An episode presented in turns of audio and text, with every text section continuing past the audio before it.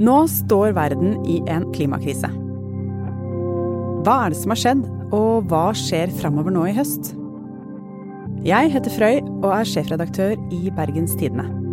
Og jeg har klima på hjernen. Før FNs klimatoppmøte i november har jeg mange spørsmål. Og kanskje lurer du på det samme som meg. I denne serien snakker jeg med folk som kan gjøre oss alle klokere. Karine Smith Ienaccio er direktør for eierskap i oljefondet. Hun har innflytelse på over 9000 selskaper verden over. Hvordan påvirker klimatrusselen oljefondets investeringer? Og hvordan kan klimatoppmøtet påvirke markedet? Karine, du er direktør for eierskap i oljefondet. Hva er jobben din da? Ja, oljefondet de eier jo en liten del av over 9000 selskaper i hele verden, faktisk i over 70 land. Og som eier så har vi rett til å påvirke selskapene. Vi er jo noen aksjer i disse selskapene, gjennomsnittlig halvannen prosent av selskapene. Og vi ønsker å påvirke disse, og min jobb det er å lede den avdelingen som har ansvaret for å utøve eierskapet. Som aksjonær i selskapene så kan vi f.eks. stemme på generalforsamlingen til selskapet, og i fjor så stemte vi på over 120 000 forslag, for vi forsøker å stemme på generalforsamling i alle selskapene der vi er aksjonær. Men en annen ting vi også gjør, det er å dialog med selskapene. Vi møter med dem, med ledelse og bestyrer, og prater med dem, og gir da uttrykk for hva vi tenker er godt eierskap. Så kan man si at jobben din er altså påvirke de 9000 selskapene som oljefondet eier aksjer i? Ja, det kan man si. Det er en god måte å si det på. Ok, Så du har stor mulighet til å påvirke mange selskaper rundt omkring i, i verden. Og hvordan tenker du og oljefondet da rundt klima? Oljefondet har faktisk jobbet med klima i flere, flere år. Og en måte oljefondet jobber på, det er at vi publiserer klare forventninger til selskapene når det gjelder sentrale spørsmål rundt bærekraft. Så vi skriver ned i et dokument som vi legger på hjemmesiden vår, og av og til sender også til selskapene, og sier hvordan vi ønsker at selskapene skal forholde seg til klima. For eksempel nå i forventningsdokumentet vårt på klima, så sier vi at vi ønsker at selskapene skal ta hensyn til Parisavtalen og det som står der, og også at de skal sette kortsiktige, mellomlangsiktige og mål om eh, nullutslipp i 2050. Og så dette er de, eh, noen forventninger som er liksom felles for alle de 9000 selskapene? Helt riktig. Mm. Men så lurer jeg på, fordi oljefondet skal jo være der for eh, fremtidige generasjoner, og dere skal jo tjene penger på vegne av eh, fellesskapet, da. Så hva er begrunnelsen for at dere stiller klimakrav til selskapene? Er det fordi dere har lyst til å påvirke fordi dere kan bidra til å redde verden, eller er det mer fordi dere tjener mer penger på den måten? Ja, det er slik at eh, Oljefondet har bare ett mål, og det er å skape høyest mulig avkastning. Oljefondet er jo investert i verdensøkonomien gjennom de investeringene vi har i de 9000 selskapene. Og da er det klart at hvordan oljefondet vil gjøre det på lang sikt, vil avhenge av hvordan de bedriftene vi har investert i, gjør det. Og det er klart at her har vi en klar interesse i, også økonomisk, at det er en ordnet overgang til et lavutslippssamfunn. Så vi har en klar interesse fra et økonomisk perspektiv at disse selskapene er godt rustet i et lavutslippssamfunn. Så her kan du si at eh, både det å tjene penger på sikt og det å redusere utslippene går eh, hånd i hånd. Så hvordan tenker dere da når dere skal investere? Hvilke vurderinger gjør dere da? Ja, så vi har eh, en gjeng med det vi kaller porteføljeforvaltere som sitter eh, i oljefondet og som vurderer selskapene i detalj. Og her har vi noen som bl.a. er fokusert eh, bare på miljøinvesteringer.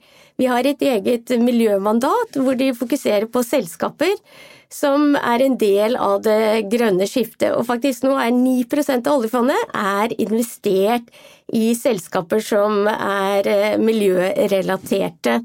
Så da går porteføljeforvalteren inn og, og, analyserer selskapene og tenker hvilke av disse selskapene er det som vi har tro på i fremtiden, som vi tror kan vokse og ikke minst også være lønnsomme i hele den uh, energiovergangen som kommer til å skje. Mm. Men det er klart at altså, dette er jo veldig krevende.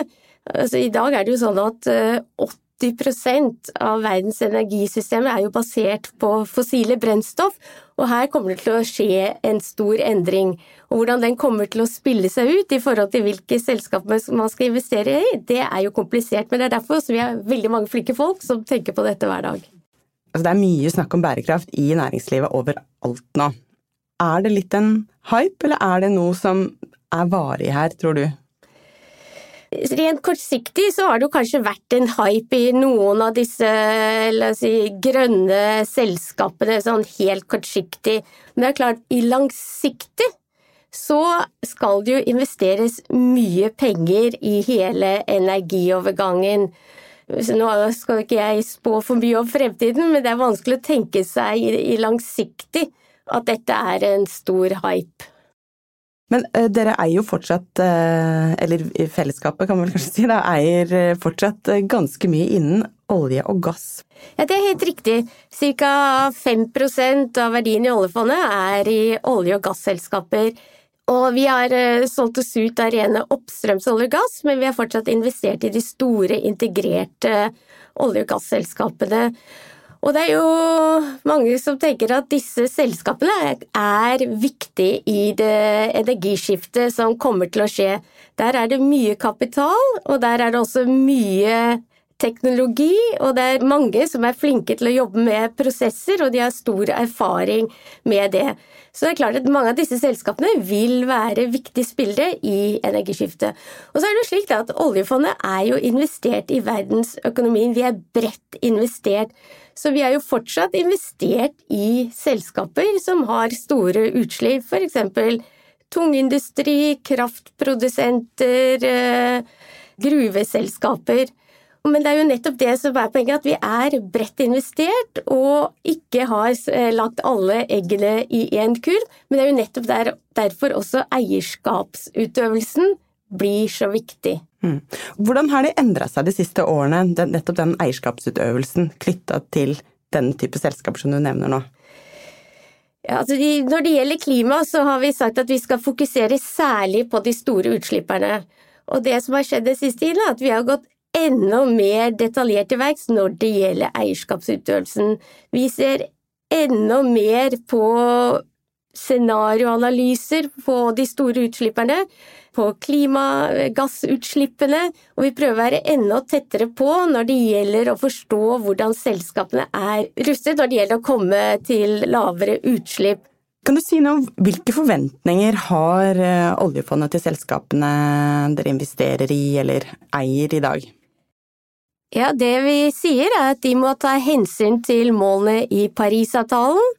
Vi sier at de skal gjøre scenarioanalyser som eh, tar utgangspunkt i halvannengradersmål, togradersmål, tregradersmål, være åpne om hvilke forutsetninger de har i sine scenarioanalyser. Og så sier vi at de skal gi oss klare mål om hvor de ønsker å være i forhold til sine utslipp, både på kort og mellomlang sikt. Nettopp. Så det er ikke nødvendigvis fordi oljefondet har liksom et ønske om å redde verden eller et mål om det, men det handler om at man skal sikre at selskapene man har investert i, er godt rusta for den fremtiden dere tror vil komme? Helt riktig. Vi er et generasjonsfond. Vi skal være investert i disse eh, selskapene over lang tid. Ikke bare morgen og overmorgen, men fem og ti og 20 år. Og da er det viktig for oss at disse selskapene har en forretningsmodell som er bærekraftig på lang sikt og kan tjene penger på lang sikt. Altså det at oljefondet nettopp skal investere for fremtidige generasjoner, hvordan påvirker det hvordan dere tenker om klima? Det har en stor påvirkning for hvordan vi tenker. For det er klart, Hadde vi vært en investor som eh, gikk inn i et selskap og skulle ut om et halvt år, så hadde jo ikke kanskje klimarisikoen vært så veldig viktig. Men hvis du er et fond som er der for de neste 10-20-30-40 årene i det samme selskapet, så er det viktig for oss å vite at de selskapene vi har investert i, nettopp er rustet til å tjene penger også i et lavutslippssamfunn. Og hva gjør dere, eller hva gjør du, når dere oppdager at et selskap som der oljefondet har aksjer, ligger ganske dårlig an? Ja, vi har særlig to verktøy. Det ene er stemmegivning. Eh, og som jeg sa, så stemmer vi på alle generalforsamlinger, alle selskap der vi har investert. Og hvis vi ser at, vi tenker, at selskapet ikke håndterer risiko godt nok når det gjelder klima, så kan vi f.eks. stemme mot styreleder eller et annet styremedlem som har særlig ansvar for å håndtere klima. Ofte er det jo såkalte styrekomiteer som kaller seg bærekraftskomiteer, f.eks. Så det er en måte vi kan stemme mot selskapet. En annen er at vi kan ha dialog med selskapet, prøve å utfordre selskapet litt, forstå bedre hvorfor selskapene har tatt de valgene de har tatt, forstå bedre hvordan de tenker om selskapets strategi i forhold til klima, risikohåndtering, og hvordan de har tenkt å rapportere på dette fremover. Men til syvende og sist så er det jo også mulig å selge oss ut av noen selskaper.